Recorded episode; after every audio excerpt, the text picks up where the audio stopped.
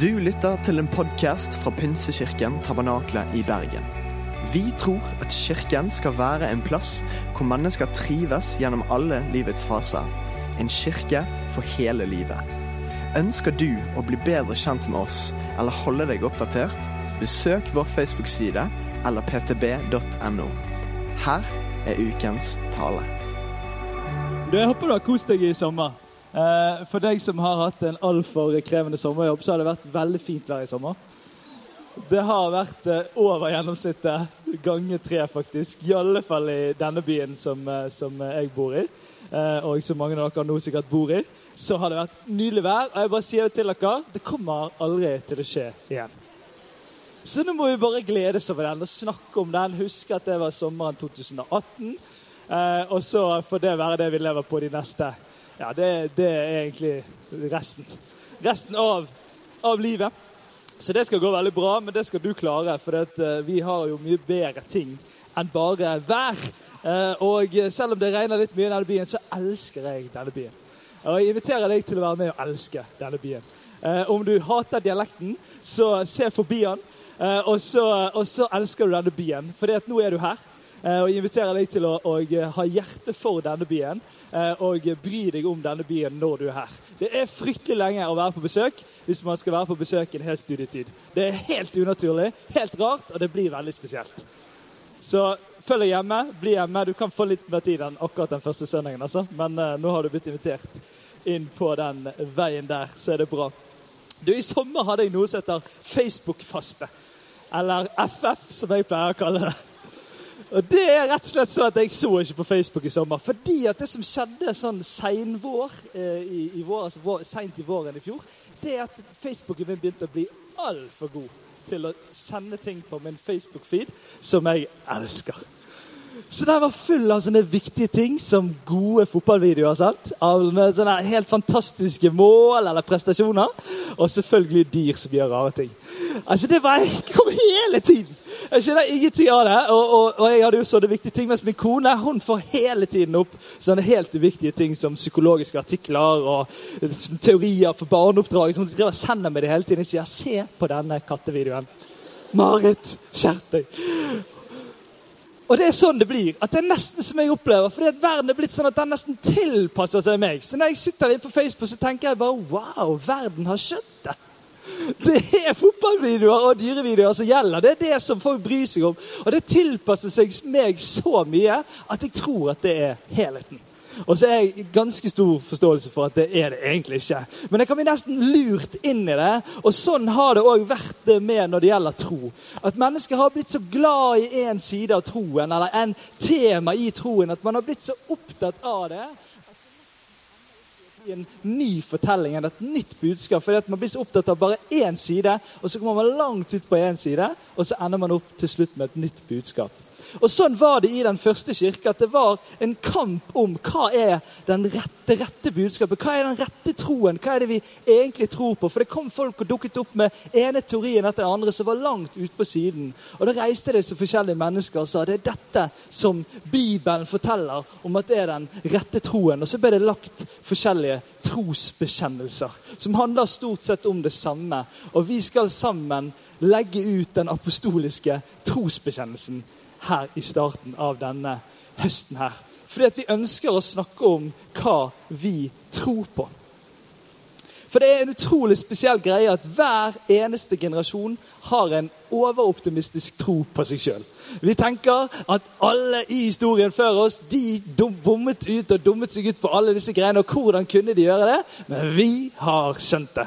Og så skjønner vi som kristne, som står i en lang tradisjon, en lang fortelling, at vi kan få lov til å lære av noe som har vært før, og lære av de både bomskuddene som har vært, men ting man har forstått gjennom fortellingen. Og Derfor skal vi helt tilbake til egentlig helt tilbake til de første århundrene etter Jesu fødsel. Eh, men det er òg sånn at det er liksom den eksakte versjonen den finner vi i år 800. Men det peker liksom helt tilbake til de første århundrene. Og det er denne trosbekjennelsen her, som jeg skal lese for deg. Du kan få lov til å sitte og høre på den eh, og ta imot den på en måte.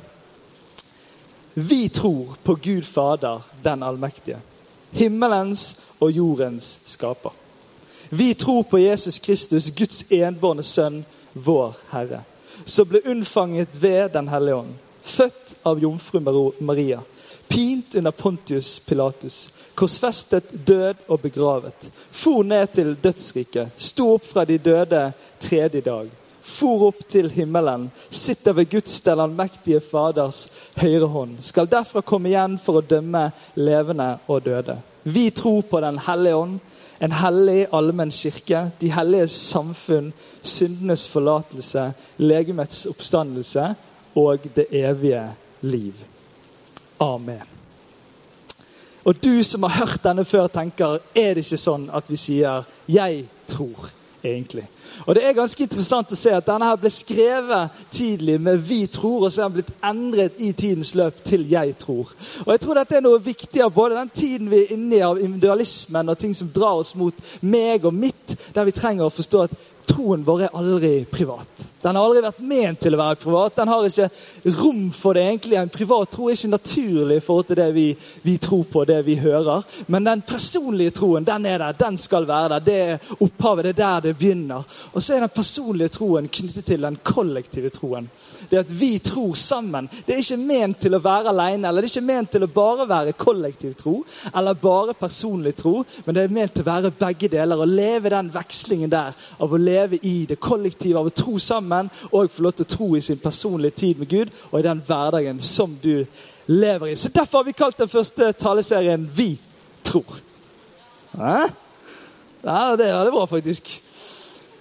Og det er sånn at troen, den kommer av forkynnelse. Det betyr at troen vår vokser gjennom det vi hører, eller det vi fyller oss med, som er fra Gud, eller som er fra sammenhengen vi sitter i.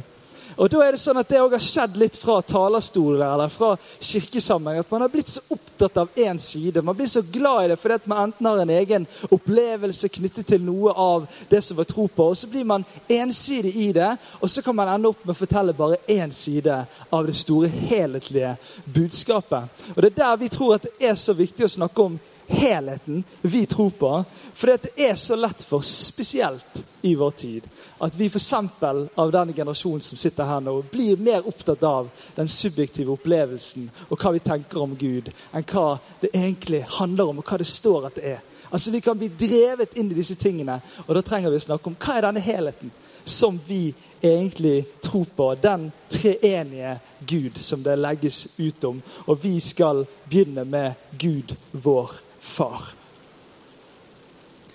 Vi har satt over dette året 2018. I denne kirken så begynte vi dette året med å si at vi vil dypere, og vi vil lenger. Vi vil dypere i vårt, vårt fellesskap med hverandre og Gud. Vi vil, vi vil, se mer. Vi tror det er mer å hente. Vi vil i dypet der. Og så tror vi at vi òg skal få lov til å gå lenger ut. Denne høsten så ønsker vi det å se at vi kan få lov til å gå lenger ut på det. Være med og se flere mennesker komme inn her og være lenger der ute sjøl i de livene som vi lever. Eh, og da er det sånn at det, På mange måter kan det gjøres, men en del av det er å dele den troen som vi har. Og det å dele troen vi har i vårt samfunn i dag, det er ganske motkulturelt så det snør etter. Det er ikke kult å skulle dele troen sin til noen andre. Det er ikke akseptert alltid i de forskjellige kulturene vi lever i. Eh, og det betyr at det utfordrer nok i seg sjøl. Og hvis vi i tillegg da kjenner på en viss usikkerhet, hva er det egentlig jeg tro på. Kanskje har du vært en som har vært i kristne sammenhenger hele tiden, men pga. en eller annen opplevelse en eller annen gang der noen lo av deg for du svarte feil på et spørsmål som alle de andre i rommet klarte, så har du tenkt at det der å vite så mye om tro og sånn, det får være noen andre sin greie. Jeg, jeg holder meg til dette. Og så ligger det en sånn usikkerhet knyttet til det man tror på. Og så når dermed når samtalen handler om tro med noen som kanskje ennå ikke tror, eller er nysgjerrig på tro, så blir man usikker, og så slipper man unna. Og Det tror vi også at det er viktig når vi begynner denne høsten. At vi skal få god forståelse av det grunnleggende vi tror på sammen. Og Så kan du få lov til å være uenig når vi noen ganger beveger oss inn i felter. Du kan få lov til å kjenne på at oi, det var en tanke jeg ikke har tenkt så mye på å tygge på den, men vi har lyst til å lede deg inn i og bli trygg på din tro. Hva er det du tror på? Og Vi skal ha tre søndager, og vi skal starte med Gud vår far. Eller Gud Fader. Og Jeg vet ikke hva du tenker på når, eh, når du hører begrepet Gud Fader. Jeg vet ikke om du tenker at liksom det, hva er, hva, hva er Fader for noe? Jeg, jeg tok meg selv, for jeg prøvde å være ærlig med meg selv. Jeg begynte å tenke på han der munken i Robin Hood. Husker dere han? Han heter Broder Tøkk. Han heter ikke Fader Tøkk. Så det var en dårlig assosiasjon. Men det var min assosiasjon, så da har jeg åpnet rommet for å telle om alle typer assosiasjoner. Men jeg vet ikke hva du tenker på når du hører ordet fader, for det er ikke så veldig vanlig i vårt vanlige språk å si fader lenger. Men det er jo helt naturlig knyttet til dette som har med far å gjøre. Og det betyr at Gud, han er vår far. Og Hvis vi ser i den store fortellingen som vi tror på, helt fra skapelsen og fram til i dag, så ser vi også at helt i begynnelsen og i Det gamle testamentet så representerer eller presenterer ikke Gud seg som far. Nesten ikke i det hele tatt. Det er veldig lite han snakker om at han er far. Han er Gud, han er Javé, han er det store. Men han snakker ikke om seg sjøl. eller er heller ikke snakkes om Gud som far store deler av Det gamle testamentet. Og Så kommer Jesus, og så skjer det noe når Jesus kommer. For det står Når Jesus blir representert, eller når han starter sin tjeneste, så blir han døpt, og så skjer det noe voldsomt på det stedet der han blir døpt, i Matteus 3, 17. Og der står det Og det lød en røst fra himmelen. Dette er min sønn, den elskede. I ham har jeg min glede. Og Der starter da Jesus med en sånn far-sønn-relasjon til Jesus. Og Jesus blir representert som hans sønn, og Jesus er Gud sjøl. Og han begynner sin, sin, virke og det han skal gjøre på jorden. Og så er det sånn at Når da Jesus samler disipler og går rundt, så begynner han å lære disiplene det troslivet han går foran og viser. Og Da begynner han å snakke om Gud som far. Og Han sier hvis dere skal be, ikke be som alle de dere har hørt på be før. Be sånn som dette. Vår far i himmelen. Og så er det knyttet til Jesus, det at Gud blir nær som far. Han har vært det hele veien. Han har vært ønsket å være nær. Det er en del av hans vesen å være nær som en far, men gjennom Jesus blir han det for oss. Og så blir han vår far, og så kan vi si 'vår far' i himmelen når vi ber til han og når vi er sammen med han. En del av ønsket på dette det er at vi ønsker at du skal få en tro som tåler livet. Og Veldig ofte så blir det motsatt vei. At det blir sånn at livet skal tåle troen. At det blir sånn at vi ender opp med at enten så må det være på topp og bra. Da kan troen få plass. For da funker det. Nå ser du her rett i denne tidligere fortellingen min som nettopp har skjedd den siste uken, så ser det ganske greit ut. Og da er troen der. Da er troen, da er det plass til troen i livet. Da er det sånn det skal være. Ellers ender vi opp i motsatt grøft, der vi ender opp med å tenke at Troen hører bare hjemme når det går helt på tverken, når det klikker helt, og når det ikke er som det skulle være. Så ender man opp med det. det troen ikke er en eller annen sånn sårbar ting som vi må holde i hendene våre og passe på, som kan falle fra hverandre. Hva om det er motsatt, at det er troen som bærer oss, og ikke vi som bærer troen? Og Jeg tror på en tro som tåler livet. Jeg tror spesielt det for deg som kanskje går inn i en studietid eller tilbake inn i en studiehverdag. En tro som tåler vanskelige spørsmål. En tro som tåler vanskelige samtaler. En tro som tåler idiotiseringen av kristne, som, er, som man tenker om kristne som, som, som mindre intelligente fordi de tror på noe så rart som det mange her inne tror på. Jeg tror vi trenger en tro som tåler livet. Og den begynner her eh, i det med å, å forstå hvem Gud, vår far, er. Ok, Er dere klare for det? All right. Jeg kjenner jeg er giga. Hva er det for noe? Geiga. Geiga. Jeg er giga. Det blir litt annerledes. Det er ikke riktig. Ok. Vi skal begynne med å snakke om at vi er barn funnet av vår far. Og Det betyr at det starter med han. Og Da må vi lese i 1. Johannes brev 4.10, altså 4 vers 10 og vers 19. Og Der står det sånn som dette. Ja, dette er kjærligheten. Ikke at vi har elsket Gud, men at Han har elsket oss. Og sendt sin sønn til soning for våre synder. Og så står det videre i 19.: Vi elsker fordi Han elsket oss først. Det begynner med Gud. Og det er sånn at I naturens gang så begynner det med en far før det blir barn. Og Jeg skal ikke ta den videre, men det er sånn at det er, det er en naturlig utvikling. Sånn er det det er. Og det begynner med Gud. Og Det begynner med at han er den som starter alt. Han starter i gang alt. Han er skaperen. Og når han er skaperen, så er det han som gir oss definisjonen av hvem vi er, og ikke vi som definerer hvem han er. Det starter med Gud, og så definerer han oss. Og I den definisjonen av å ha en Gud som er vår far, og være hans barn, så ligger det identitet, det ligger verdi, og det ligger hensikt.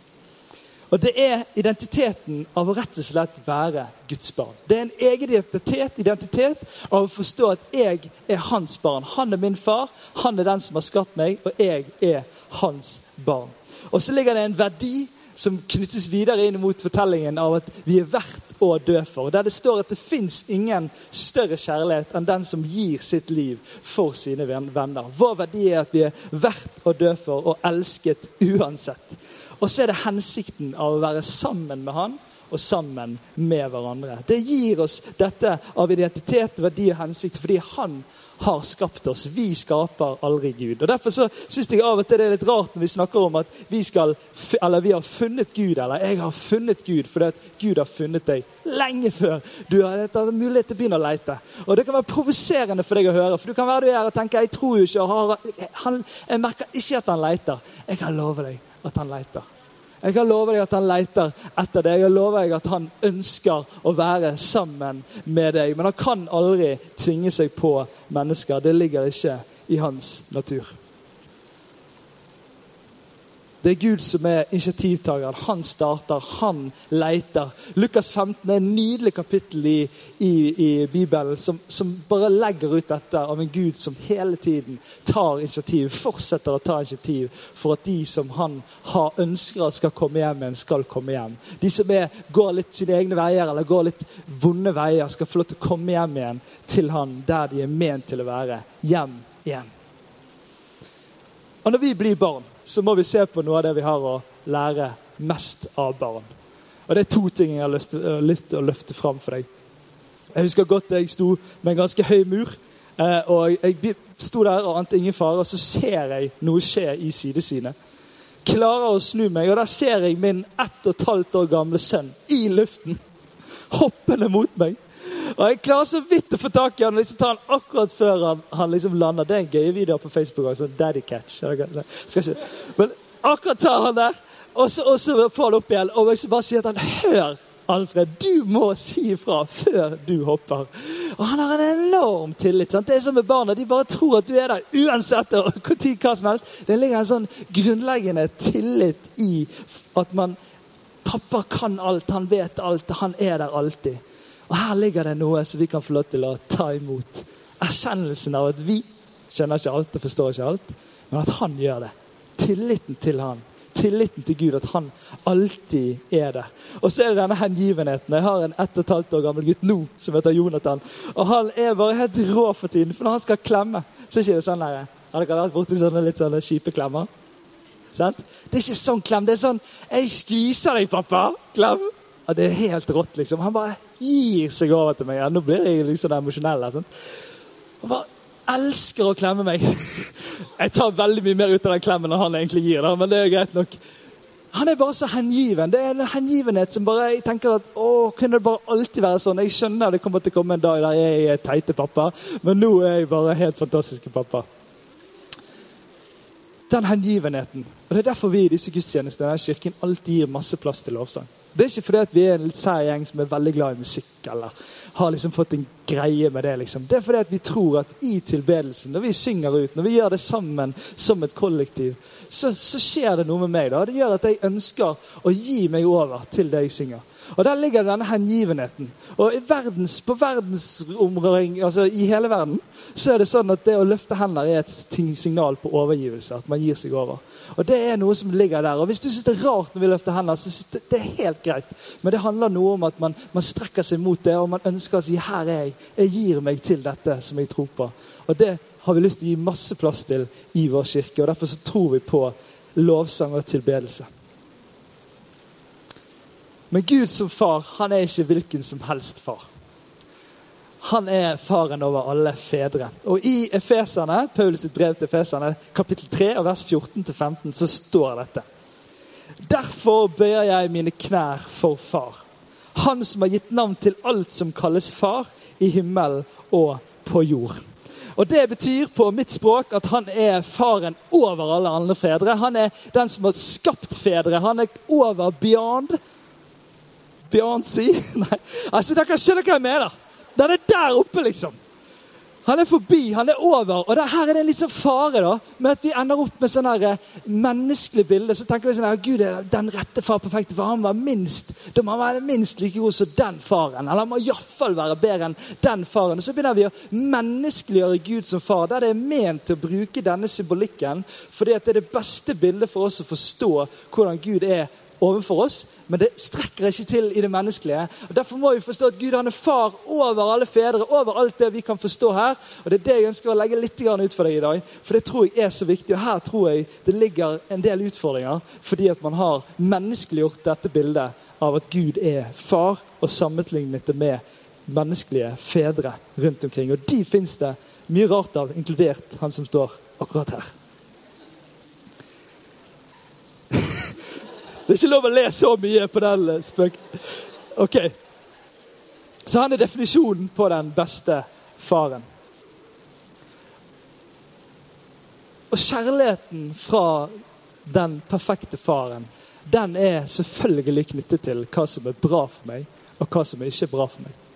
Hvis vi forstår at det er sånn at Gud vet at han er allmektig, at han vet hva som er best for meg, og hva som er best for andre mennesker, så handler hans etikk eller hans lov eller hans ønske om hva som er bra for oss, ikke bra for oss, om det som er bra for oss. I utgangspunktet grunnleggende positivt. Og Dette er så viktig å si veldig tydelig, for man ender av og til opp med å blande det litt inn, for her er vi dårlige som mennesker. Her er vi av og til dårlige som mennesker, der vi begynner å blande inn. og Jeg, jeg husker så godt når jeg holdt min nyfødte. Beklager dette Alfred og Jonathan-greiene, men i dag går ikke det an å ikke være innpå det. Så jeg, jeg lover deg. Så jeg holder han i hånden, og han ligger der, nei, ligger der i armene mine. Så er det bare sånn at det går ikke an å elske noe høyere enn det. Det er, det er ikke mulig. Det er bare helt rått. Jeg bare kjenner det med hele meg, og det fins ingen motstand av å elske denne nydelige lille gutten. Men hvis man går tre og et halvt år fram i tid, så er den nydelige lille gutten han sitter på en sofa om morgenen, og så Altså, han, han, sier ikke sånn her 'Jeg vil ha på en annen genser'. Han sier sånn 'Jeg vil ha på en annen genser!' Så sitter han der, og så har jeg gitt han fire alternativer. Og jeg er på vei til å hente det femte alternativet. Og barnehagen holder på å stenge snart fordi vi ikke har kommet oss ut. Og han er så motbydelig, den lille gutten der. Og jeg er så sint. Jeg er så sint. Du, får ikke lov å se meg så sint. For så sint er jeg at jeg bare øh, Og så klarer jeg ikke, selv om jeg vet Selvfølgelig elsker jeg Alfred, men jeg er jo så fryktelig sint på han, og han er så utrolig teit. Du vet, Trasseller, Jeg trodde han begynte trasseller begynte for når han var ett og et halvt år, og nå er han i trasseller! liksom, og nå er han tre og et halvt. Det er helt forferdelige greier. Men du, som en menneskelig pappa så klarer ikke jeg det skillet mellom hvem for Alfred er, som jeg elsker uansett hva han kommer til å gjøre, og hva han gjør, blandet med det han gjør der og da, og det han holder på med. Og så holder vi på å blande et sånt bilde av Gud, der vi tror at Gud er preget av hva vi gjør, og hva vi får til. Hva vi dummer oss ut, hvordan vi gjør ting den ukes vært. Og så tror vi at Gud er som en menneskelig Gud, men han er ikke menneskelig. Han er over alle disse. Han er konstant, og han klarer alltid å skille mellom det jeg gjør, og hvem jeg er. Han klarer alltid å skille mellom den synden jeg har gjort, og den synderen som jeg er. Han klarer alltid det skillet. Og han elsker alltid synderen. Han elsker alltid meg og deg. Og han, selv om han kan være imot eller til og med hate synden. Men det er alltid drevet av at han elsker. Det er kjærligheten som driver til at rett og galt blir presentert. Så vet jeg at I denne tematikken så ligger det en utfordring med tolkningen av hva er det Gud mener er rett og galt. Og Det må vi snakke ærlig om. Det er det rom for i denne kirken. Å snakke om og være uenige om og leite etter. Men la oss leite, la oss grave, la oss finne ut hva er hans gode vilje for oss. Og forstå at den er knyttet til en Gud som elsker deg uansett.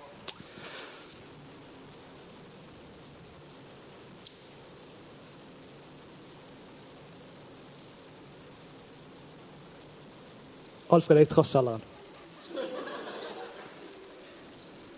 Og det er en sånn kjip greie, for uansett hva jeg som pappa gjør, så gjør jeg noe feil hele tiden. Uh, og det, det Av og til så tenker jeg sånn her uh, Det er kjipt. og så tenker jeg at fins det noe som heter åndelig trassalder? Fins det noe som heter i den tiden der man begynner å oppdage hvordan treffer denne troen livet? Hvordan treffer den den verden jeg lever i? Og så blir man hele tiden opptatt av å liksom vri på det som Gud enten har sagt eller gjør, eller hva det skulle være.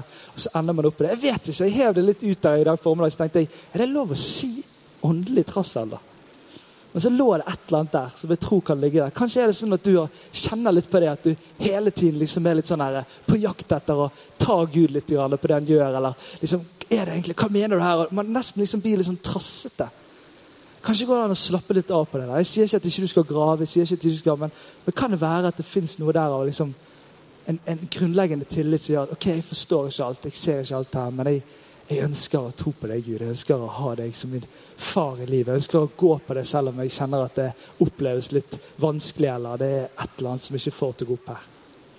Kanskje er det noe der som kan løse seg litt. For jeg tror det fins av og til sånn at vi kan gå inn i sånne perioder der vi kan bli litt trassige alle sammen.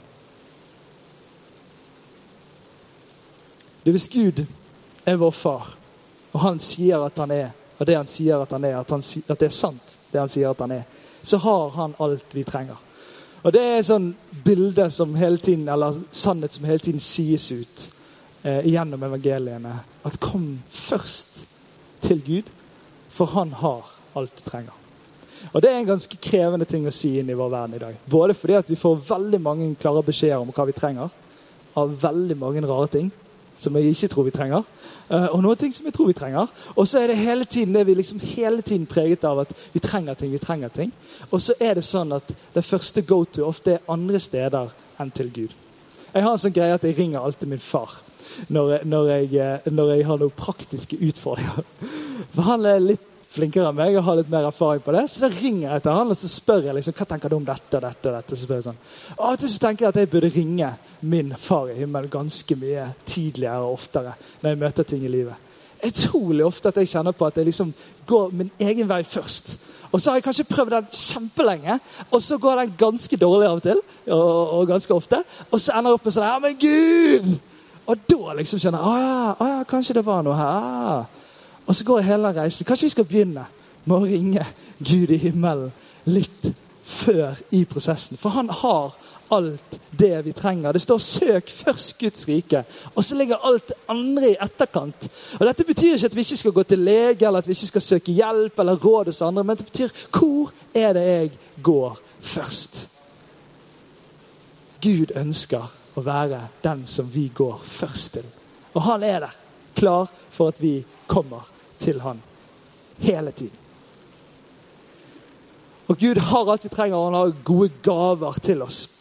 Og det, det, står til og med, og det er nesten litt sånn der, eh, kjipt skrevet om oss mennesker. For det står sånn her Dere mennesker som er, eh, har vanskeligheter for å forstå hva som er bra, og til og med onde til tider. Dere til og med klarer å gi barna deres gode gaver. Hvor mye mer skal ikke jeg, da, eller vår Far i himmelen, står det, gi oss gode gaver? Han har gaver til deg. Og De gavene kan være så fryktelig mye forskjellig. Det kan være gave av, av, eh, av, velsignelse i relasjoner. Det kan være gave i forhold til ting som han har lagt ned i deg, som det er ting som du kan gjøre og bety for andre mennesker. Det kan være så mye forskjellig som ligger i deg, som han ønsker enten har gitt deg allerede, eller som han ønsker å gi til deg. Han har alt vi trenger, og han har gode gaver til oss. På denne Facebook-feeden Facebook til min kone så dukker det opp forskjellige spennende artikler. Og en spennende artikkel som, hvis dere studerer liksom alt fra sykepleien til, eh, til barnevernspedagog til uh, barnehagelærer til flere eksempler, så kommer dere til å møte denne teorien, for det er det hippe og kule for tiden. det er denne teorien, Og den er veldig, veldig bra. Og hvis, denne, denne, teorien kan vi ta opp på skjermen nå. Og denne teorien eh, den er veldig sånn eh, knyttet til Øyby, veldig grepet som pappa. og sånn. Eh, men denne teorien er veldig, veldig bra. Eh, og eh, min teori bak denne teorien er at den er veldig, veldig bra fordi at den minner om Gud som far. Og det som er greien her, det er at disse herrene, det er foreldrene, de skal være den trygge basen, den sikre havnen. Eh, og så er det sånn at det er barnet som her løper rundt eh, og gjør forskjellige ting. Og så er det sånn at det står liksom hvordan både man skal være som foreldre i møte med barn i de forskjellige fasene, og så er det et veldig viktig poeng at barnet alltid skal ha en trygg favn å komme tilbake til, som alltid er der. Og jeg synes Det var så nydelig. Jeg vet ikke om jeg klarer å lese dette, her, men, men liksom, eh, eh, det står, hvis vi begynner øverst, Jeg trenger at du eh, støtter min utforsking. Du, Gud er ikke en gud som, som, driver at du skal lukke deg inn på et rom og, og, og være der hele tiden og beskytte deg fra verden rundt. Han ønsker at du skal gå ut i denne verden. Han ønsker å utruste deg, han ønsker å være med deg ut der og sende deg ut i den verden som vi er i. Han støtter min utforsking. Og så trenger jeg så jeg trenger at du passer på meg, fryder deg over meg, hjelper meg når jeg trenger det. Har det gøy med meg. Det er det fellesskapet, det er at han er der, det er at han gleder seg over oss. Det ligger der. Jeg trenger at du tar imot meg når jeg søker deg. Det, det, det, det, står ikke i Bibelen, dette, men det er, jo, det er jo nesten så du skulle tro det.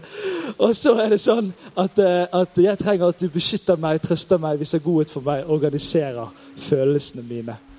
Og så står det her nede til foreldrene, og det er jo nesten en beskrivelse av Gud.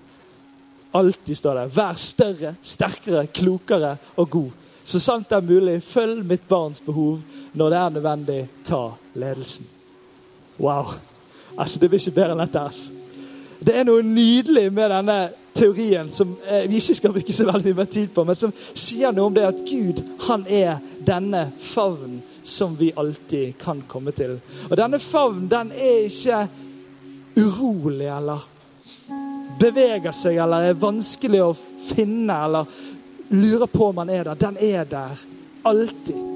Det er den trygge favnen som vi får lov til å være i og få lov til å bli sendt ut av. Så skal vi snakke mer om at vi, vi har han med hele veien. Men nå er det dette bildet av Gud som far, som er der med sine kjærlige armer. Og så må jeg også si at Dette bildet her synes jeg også peker på dette med barn. Og Noen ganger kan man kjenne at det er ikke litt voldsomt bilde at vi er barn. Er vi så hjelpeløse egentlig? Jeg får noe ganske mye til. Men når det kommer til stykket, så er vi ganske hjelpeløse. Og Den erkjennelsen av å være hjelpeløs den trenger ikke vi være redd for i møte med Gud. Det å si at 'jeg fikser det ikke, jeg får ikke det til', jeg skjønner ikke det, er et utgangspunkt som er bra i møte med Gud. Erkjennelsen av at 'jeg klarer det ikke sjøl', er starten på et liv sammen med Gud. Så Vi trenger ikke være redd for å være hjelpeløse, selv om det kan oppleves litt nedverdigende. Gud er aldri nedverdigende. Men i møte med han og i møte med livet, i møte med døden, i møte med troen, så er vi ganske så hjelpeløse uten han. Og denne trygge havn den tror jeg ikke er bare for noen type mennesker. Jeg tror ikke det er en eller annen greie som man må leite seg fram til, og så være med den personen eller den personlighetstypen som det passer for. Jeg tror det er for alle mennesker. Jeg tror den havnen er for alle mennesker, og den står der klar for alle mennesker. Og at det er det beste for alle mennesker. Og Noen kan bli irritert når jeg sier det. Hvordan kan du stå der og si at alle mennesker er det beste? Jo, for jeg tror på en objektiv sannhet av en Gud som skapte alle mennesker, og som skapte hele universet, og som jeg får lov til å være sammen med som min far i himmelen. Og du, hvis Gud er den trygge havnen, så er vi så heldige som kirke at vi også skal få lov til å være det. Så når mennesker kommer inn i dette fellesskapet, når mennesker kommer inn i vårt fellesskap og det vi er med på, så skal det være en trygg havn. Det skal være en trygg havn der vi er sammen, der vi kjenner oss elsket, der vi kjenner oss akseptert, der vi kjenner oss sett, og der vi kan komme akkurat der vi er i livet. Og så møter vi denne favnen. Og Vi kommer ikke til å være perfekte på det i det hele tatt, for det går ikke an som menneske. Men vi tror på en perfekt Gud i det, som vi kan få lov til å peke på og vi kan få lov til å lede til. Og Da tror vi at dette fellesskapet er et unikt fellesskap i Bergen. Det er mange andre kirker, og de òg er helt unike i den verden vi lever i. Og fellesskap som virker på den måten, og som ønsker å være på den måten. La oss være det. La oss drømme om å være det. La oss be om å bli det mer og mer sammen. Vi tror på Gud, vår far. Den rette og perfekte far. Som elsker oss, og som hele tiden ønsker det beste for oss. Og vi tror at troen tåler livet. Og at du kan få lov til å gå med denne troen i morgen tidlig. På tirsdag, på onsdag. For den troen, den er med og gir liv inn i hverdagen din. Og den er med å bære deg i de vanskelige stundene. Og den er med å gi liv inn i de gode tingene. Den er der hele tiden. Troen som bærer oss. Skal vi reise oss og be sammen?